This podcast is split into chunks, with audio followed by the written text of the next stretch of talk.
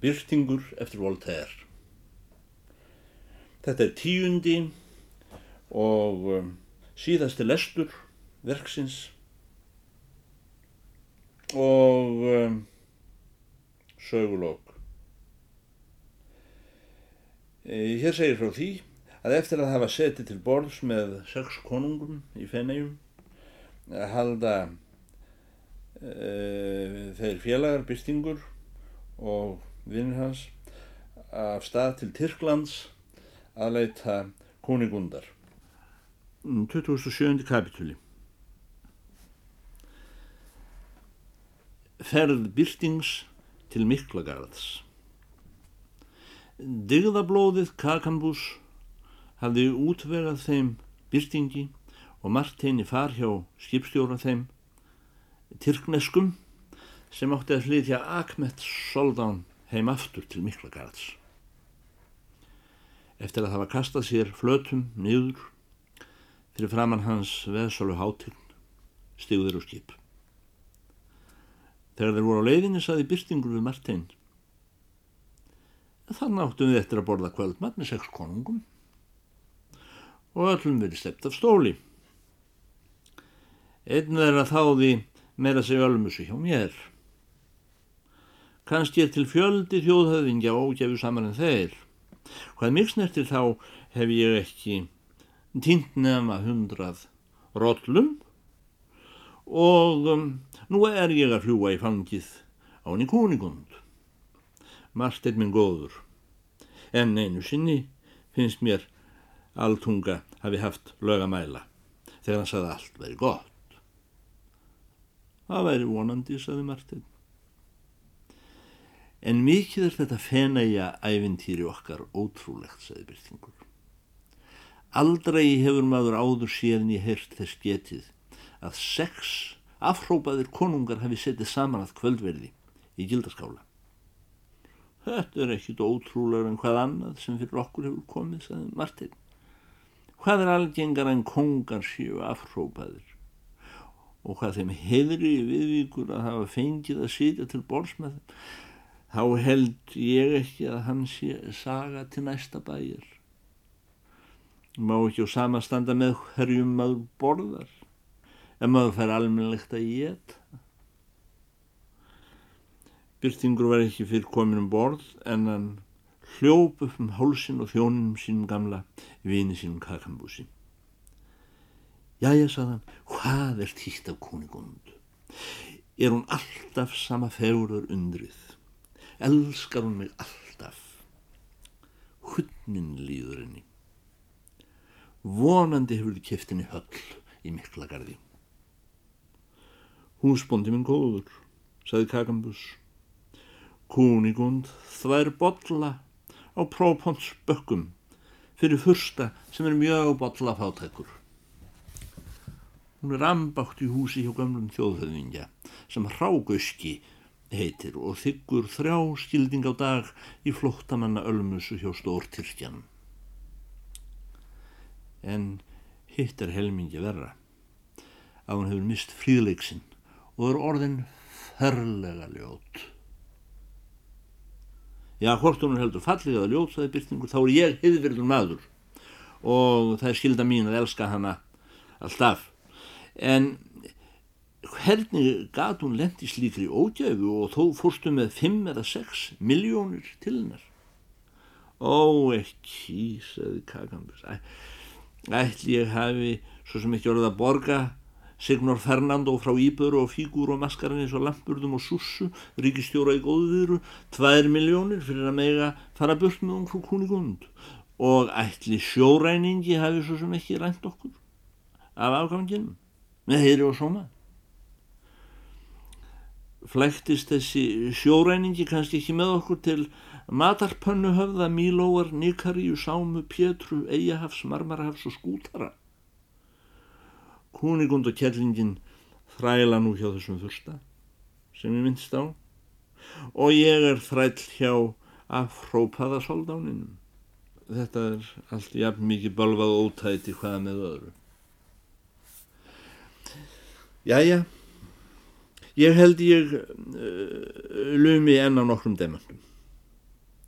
Mér mun ekki verða skotaskuld úr að frelsa kuningund. Það er bara verst að hún skuli vera orðin svona ljót. Síðan snýra hann sér að Martini og sagði Hver heldur þú sé verst komin? Ahmed keisari, Ívan keisari, Karl Játvarður konungur eða ég. Það veit ég aldrei, sagði Martin. Ég þurft að komast undir rifin á ykkur til að vita það. Ef hann alltunga væri hérna, myndi hann vita það og segja okkur, sagði Byrtingun. Ég veit ekki á hvaða vok þessi alltunga yðar hefur eh, geta vegið ólán mannfólksins eða metið harmaðess. Þó held ég að sjú miljónir manna í heiminum, hundra sinnum verkomnir en Karl í átvarður kongur, Ívan Keisari og Ahmed Soldán. Þetta gæti verið, sagði Byrtingur. Eftir nokkra daga voru þeir í Sæðiðarsundi. Fyrst kepti Byrtingur Kakambus dýrum dómum og án þess að tefja tíman hljóp hann þegar á galeiðu eina á samt félögum sínum til að komast á land við própont að leita upp í kunigund hvers ljót sem hún kynni að vera orðin. Í hópi galiðu þrælana voru tveir glæpamenn heldur vondir ræðarar og hinn austræni skipherra tók sig til hana veifið og hýtti þá með gríðungssín um berarakslinnar sækir meðfættrar orkunsemi veitti byrtingur þeim meiri aðtikli en hinum galiðu þrælunum og ég sér að þeim á góðmennsku. Einhverjir þeir drættir voru í afskremdum andlitum þeirra sem myndu hann á alltungu og hinn ógæfu sama kristmung, græfan, bróður ung frú kuningundar. Hann klöknaði við þessa ímyndun. Hann virtið á enn betur fyrir sér. Ef satt skal segja, saði hann við kakambús, hefði ég ekki séð mestara alltungu hengdan og hefði ég ekki orðið fyrir því óláni að drepa græfan. Þá myndi ég segja að þeir væru báðir ræðarar hér á galiðinni. Þegar glæpamenninir heyrðu nefnd orðin greifi og alltunga að rákuður upp óp, hættu að róa og köstuðu árónum. Östurlanda skipherran ætti til þeirra og barði þá tví efldur með nöyt sinninni. Hættið, hættið herra, kallaði byrstingur. Ég skal gefið þér eins mikið penningum að þér viljið. Nema hvað, þetta er þá byrstingur, saði annar glæpamadurinn. Hvað? Byrstingur, saði hinn. Er ég með að dreyma, saði byrstingur. Vaki ég? Er ég stattur á þessari galeiðu? Er þetta herra greifin sem ég drap? Er þetta mestari alltunga sem ég sá hengdan? Já, það erum við sjálfur, það erum við sjálfur, sögðu þeir. Nú þarna er þá þessi mikli heimsbyggingur, sagði Martin. Herra minn, sagði Byrstingur, við austurlandska skipstjóran. Hvað heimti þér há upphæð fyrir greifan til Tunderden Tronk, einna fremstu mönnum kesaradæmisins og Monsiur Altungu, djúpsæjasta hásbygging Þískalands. Kristni hundur, svaraði austræni skipherran. Úr því þessir tveir kristnu glæpa hundar eru greifar og hásbyggingar sem þykir vist mikið munni í þeirra landi, þá fáðu mér 50.000 seikínur. Þér munum fá þær, herra minn, flytið mig með leiftur hraða til miklagarðs og þér skruð óðar fá peningana. Nei annars, flytið mig heldur til ungfrú kúnigundar. Skipherran hafði við fyrsta bóð byrtings snúið skipinu til borgarinnar og let róa þangað hraðar en fuggl flýgur. Byrtingur faðmaði greifan og alltungu hundrað sinnum. Og hvernig uh, fór ég að drepa yfir ekki, greifin góður, og hvernig eru þér lifandi kæri alltunga minn eftir að hafa verið hengdur og hvernig hafið þið báðir orðið galiðu þrælar í Tyrklandi? Skildi það vera satt að hún sýstri mín elskulegsi hér í þessu landi, spilði greifin. Já, svarði Kakambús. Og þarna átti ég eftir að sjá hann byrstingmenn aftur, sagði Altunga. E, byrstingur kynnti þeim Martein og Kakambús. Þeir fóðnuðust allir, þeir töluða allir í senn. Galiðan þusti áfram, þeir voru bráðum komnir til hafnar. Það var sóttur gíðingur og honum seldi byrtingur demanteinn 100.000 sekina virði fyrir 50.000 fyrir gíðingurinn sór við Abraham að hann gæti ekki borga meira. Byrtingur greiti samstundis lausnargjaldi fyrir þá greifan og altungu. Hinn síðan nefndi kastaði sér að fótum lausnara síns og baðaði þá með tárunum. Hinn þakkaði honum með því að kinka kolli og lofaði að borga honum aftur þegar hann gæti. En er það hugsanlegt að sýstir mín sé í Tyrklandi, saði hann. Ekkert er síður óhugsanlegt, saði Kakambus. Hún þvær botla hjá fyrstan okkur frá Transilvaníu. Síðan voru sóttu tveir gíðingar, byrstingur seldi fleiri demanta og þeir stigu allir á aðra galiðu sem fór á stað með þá að frelsa kúningund. 28. kapitúli Það sem þeim barað höndum, byrtingi, kúnigund, alltungu, marteini og fleira. Fyrirgefið enn einu sinni, saði byrtingur við græfan, fyrirgefið æruverðu í faðir að ég skildi hafa reikiður í gegn með sverði. Minnist ekki á það, saði græfin. Ég var aldrei tantúður, ég viður kenni það. En ef þér viljið þá að vita fyrir hvers konar tilviljun þér rákust á mig og galiðunni, skal ég segju það. Eftir að bróði Livjasveitn hafi grætt mig, reðast á mig spænskur flokkur og hafði mig á brott með sér. Ég var settur í fangelsi, í góðviðru, um það bil sem sýstir mín var að fara þaðan. Ég baði mig að verða sendur til Róms á fund aðalföðurins. Ég var útnefndur hyrðprestur í Miklagarði hjá herra senditign Fraklands. Ég hefði ekki verið í starfinu meirinn viku Þegar ég hitti bráðurlaglegan soldánsknapa um kvöld, það var mjög heitt í veðri, bildin langaði til að baða sig, ég sætti lagi til að fá mér bað sjálfur. Ég vissi ekki að það er höfuglæpur af kristnum manni að sjást allsberð með ungum múhamnesmanni. Dómarinn gerði mér að þóla hundrað vandarhögg á iljarnar og vera sendur á galiðu. Ég trúði ekki að nokkru sinni hafi verið framið að blóðugt ránglæti. Hitt langar mig að vita hvernig á því stendur að sýstri mín er komin í eldhúsið hjá þjóðhauðingi eða Transilvaníu sem flúið hefur á náð Tyrkja. En þér aldunga minn góður, saði Byrtingur, hvernig stendur á að ég sé yður eftir? Það er satt, saði aldunga, að þér hafið hort á mig hengdan. Auðvitað hefði átt að brenna mig. En þér munið hvílik úrhellisrigning var þennan dag sem átt að steikja mig. Það var svo mikið þrjumu viður að þeir gáðust upp við að kynna báli. Ég var hengdur út um neyð. Skurðuleiknir nokkur, kepti skrokkin á mér, fórum með mig heim til sín og kröðiði mig. Hann gerði fyrst á mér krosskurð frá nafla upp að viðbeini. Það er ekki hægt að hengja menn öllu lakar en ég var hengdur. Böðl sá sem framkvæmdi hinn háleitu störf, hins heilagar ansóknaréttar, diakonus að ykslu, var að vísu snillingur að brenna fólk, en hann var óvanur að hengja.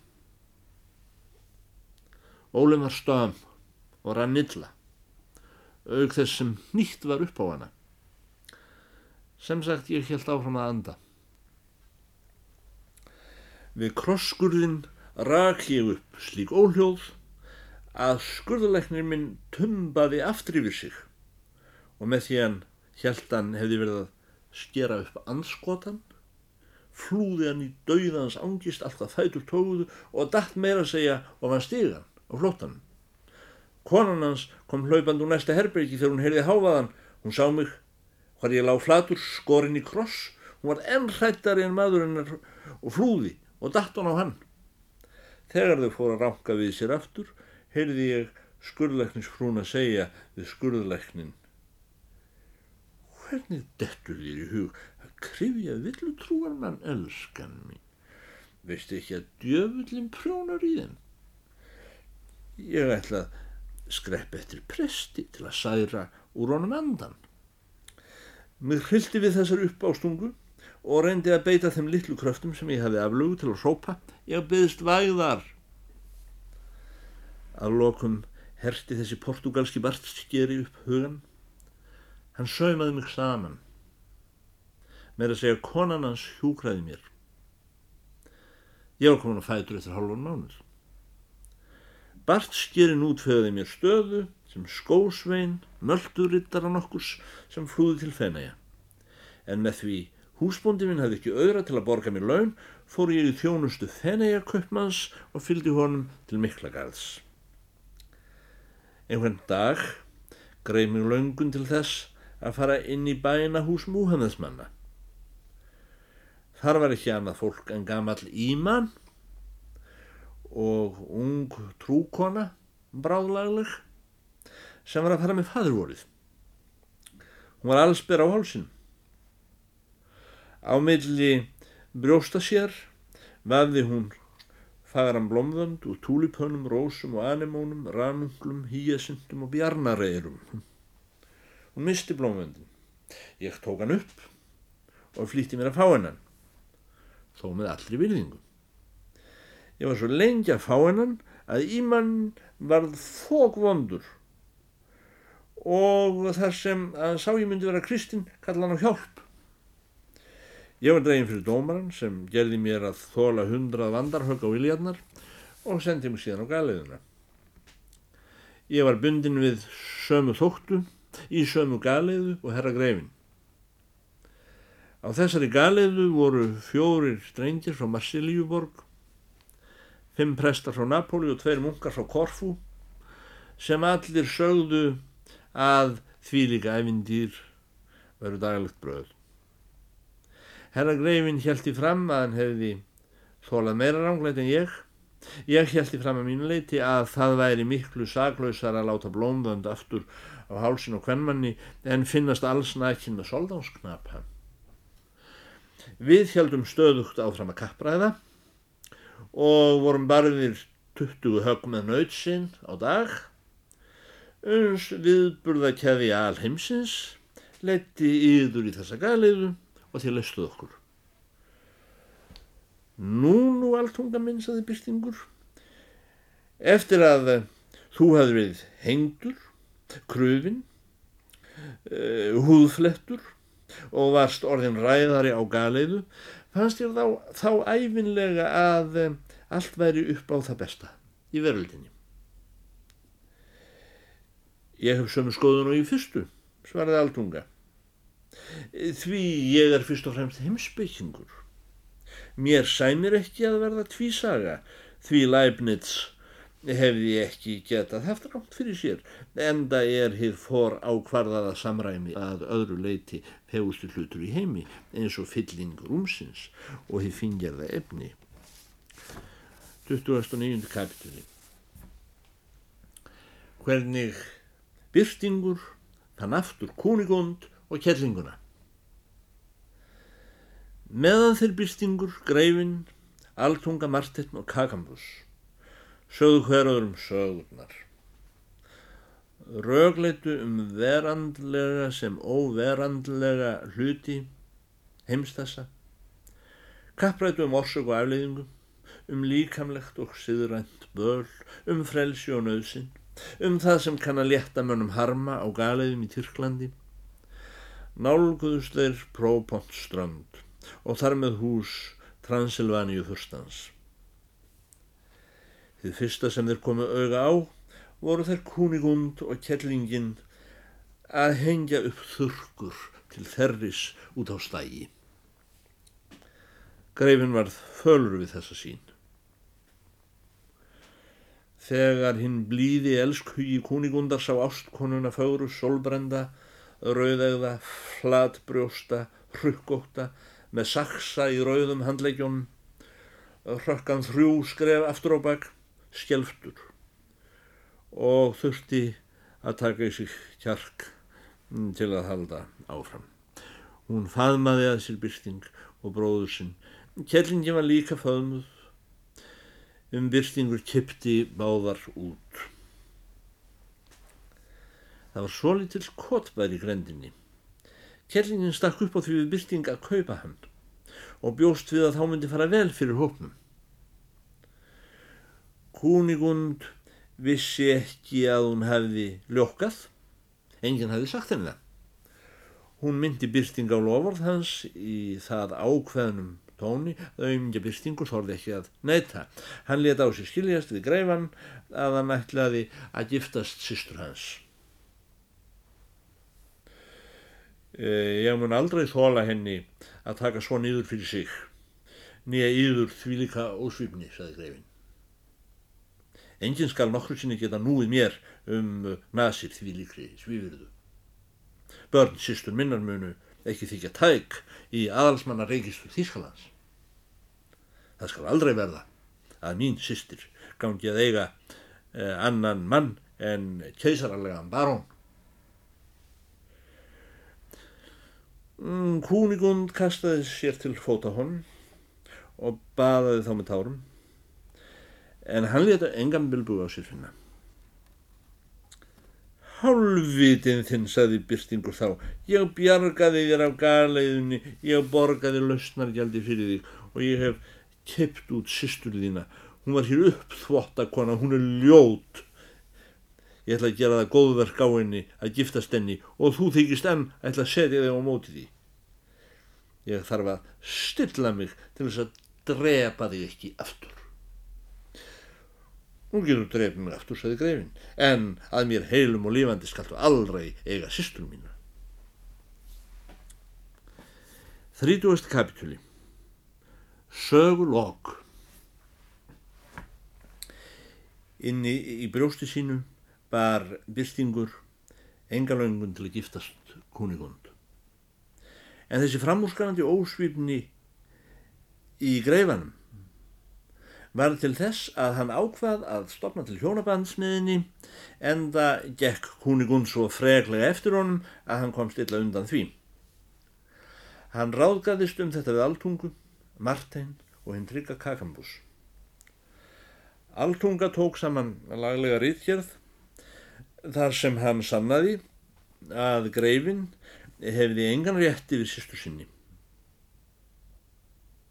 og hún gæti samkvæmt öllum lögum kesardæmisins giftst byrtingi vinstri handargiftingu. Martin komst að þeirri niðurstöðu að best væri að henda greifanum í sjóun. Kakambus saði að það veri áreðanlega best að koma honum aftur á galeiðuna í vörslu skipstjórnans úr Östurlöndum. Það var afráðið að senda hann aðal föðurnum í Rómaborg með fyrstu ferð. Þetta þótti velráðið. Kjellingin fjálst á það. Sisturinn var ekki látið vita neitt. Hugmyndin var síðan framkvæmd með litlum tilkostnaði og þeim veittist svo ánægja að skjóta í senn kristmunki ref fyrir rass og lækka rostan í þýskum greiða.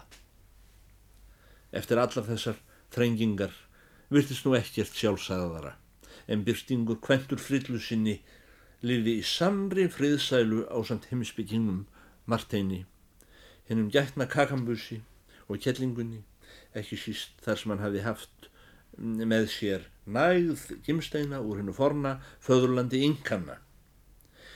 En gýðingar hættu ekki fyrr, en þeir höfðu narrað út úr honum allt nema kotið.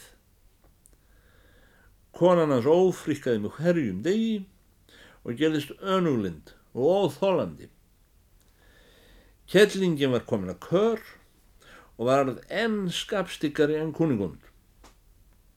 Kakambús sem hugsaði um gardin og seldi grænmetið í miklagarði sá ekki fram úr önnum sínum og þótti ill æfi sín.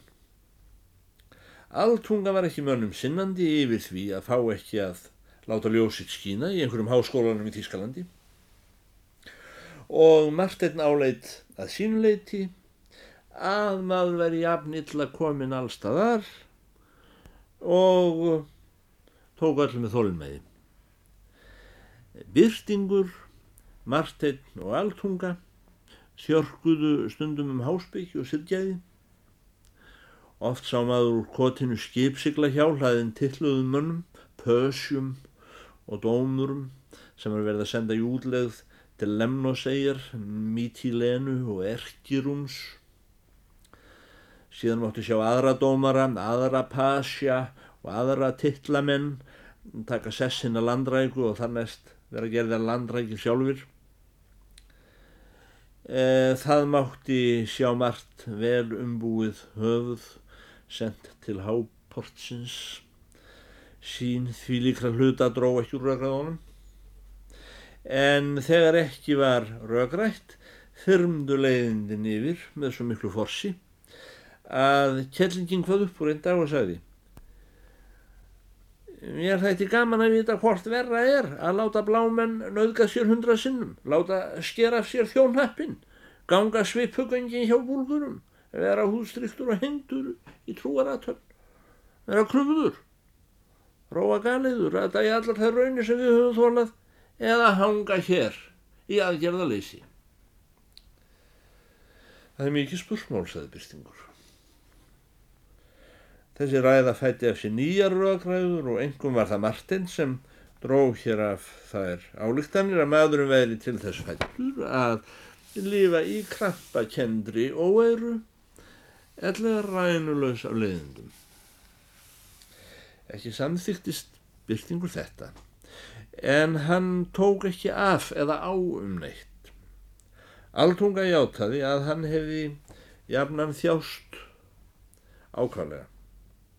En þar sem hann hefði nú einu sinni aðhylst þá kenningu að allt væri stakast að himna lægi, leta hann ekki af henni hvað sem átt undi. Þó var sá einn hlutur sem styrkti Martein í hinnum argvítu skoðunum hans, let higg koma á byrting umfram venju og kom alltungu í vandræði. Það var þegar þau sáu biskupsfýblu og bróður Lefkói stefna heim í koti til þeirra einn daginn. Þau voru komin á vergang. Þau hefði ekki verið lengi að geta upp þessar hlúðhúsin pjastra, höfðu skili, tekið saman aftur, rifist, komist í tukthúsi, flúið þaðan og loksins hafði bróður Lefkói tekið Múhames trú. Biskupsfýbla reyndi allstaðar að stunda atvinnu sína en hefði ekkit upp úr sér lengur. Sagði ég yfir ekki að þau myndu vera fljótað eða því sem er gáðið þeim og verða þó ekki að sætli, segði Martin. Þeir kakambjús voru einu sinna sligast undir miljónum pjastra og eru þó ekki betur komnir en bróði Lefkói og biskupsfýbla. Jæja, biskupsfýbla mín, saði Altunga. Svo þarna átti drottin eftir að leiða þig til okkar. Veslingsbarn, veistu að þú hefur kostað mig nefnbrottin, annað auðað og annað eirað og nú er svo komið fyrir þér, já því líkt og annað eins. Þetta nýja ævintýr gerði hann ennþá spagvitrari en hann var nokkum tíma áður. Í nágrenninu bjó dervísi nokkur stórfrægur sem þótti einna mestu heimsbyggingur í Tyrklandi. Þeir fóru á ráðstöfnu við hann. Altunga hafði orð fyrir þeim mælti mestari.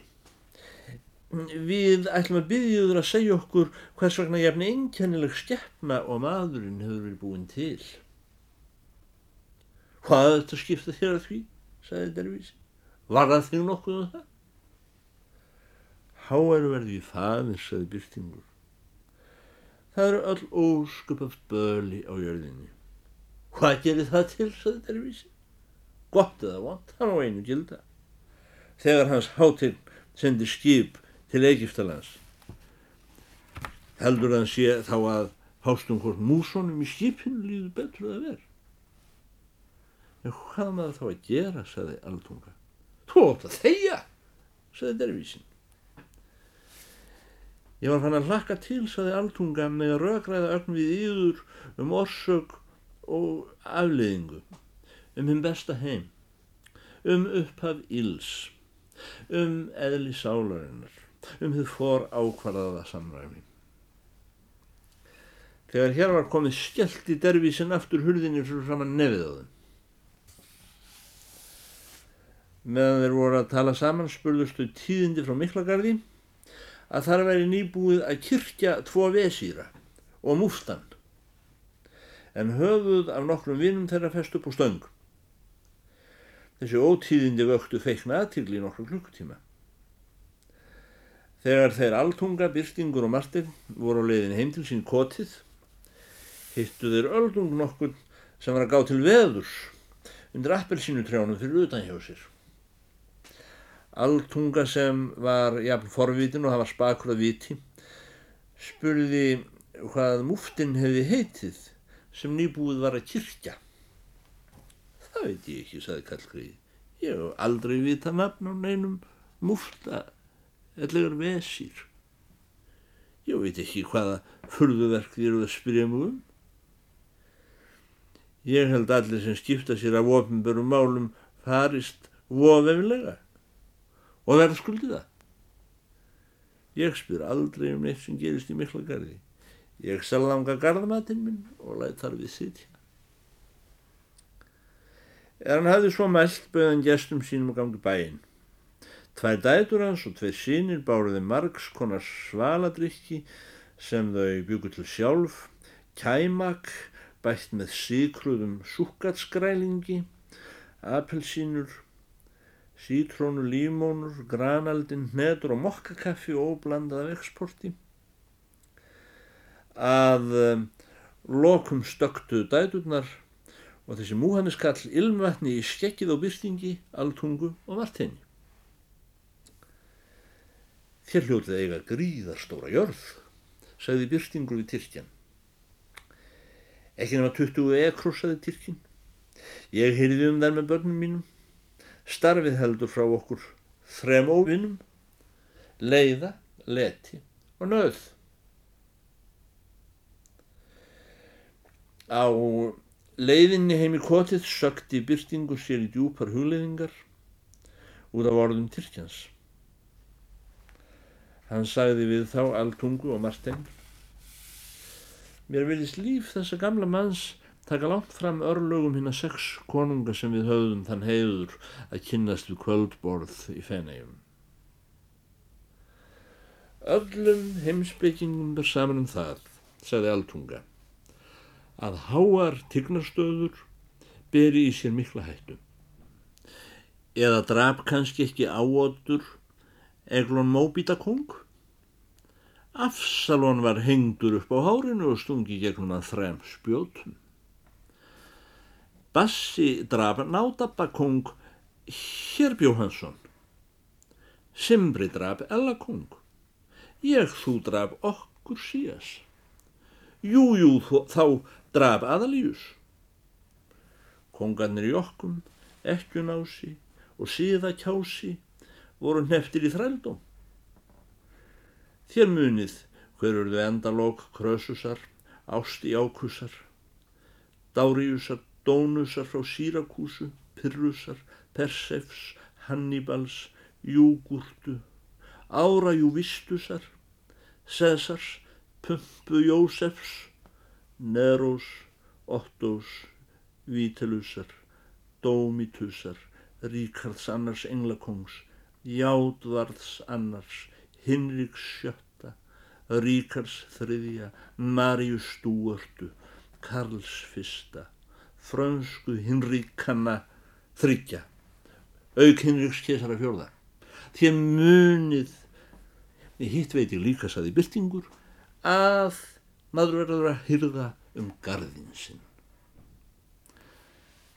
Satt segi þér, saði Altunga, því þegar maðurinn var settur í etens aldingarð, var hann settur þangað út operaritur eum. Til þess hann yrkti hann. Það sannar að maðurinn er ekki fættur til að hvílast. Vinnum án þess að brjóta heilan, saði Martin. Það eitt gerir lífið bærilegt. Þið litla samfélag, hóf nú starf, samkvæmt þessari áætlun hver eftir sinni getu. Afraksturinn af kotinu var drúur. Kúnigund var að vísu nokkuð ófríð, en hún komst upp á að baka indælar kökur. Biskups fýbla saumaði út, kjellingin hugsaði um þvottin. Meira að segja bróðir Lefkói var ekki aðgerðalauðs. Hann var ágætur trésmiður og þar aðeins ekki hyðurður maður. Og alltunga sagði stundum í byrsting í hennum besta allra heima eru öll atvik sama keðjan. Því hefðu þér ekki verið að rekin með sparki í sitjandan burt úr fárum kastala vegna ástar á ungfrú Kunigund hefðu þér ekki verið leitur fyrir rannsóknaréttin, hefðu þér ekki farið fótgangandi yfir Amríku, hefðu þér ekki reykið greifan svo myndarlega í gegn, hefðu þér ekki týnt öllum róllónum sem þér eignuðust í gæðalandinu Eldorado, mundu þér ekki vera hér að borða síkrað súkat og nötur. Þetta er vel mælt, svaraði byrstingur, en maður verður að rækta garðin sinn.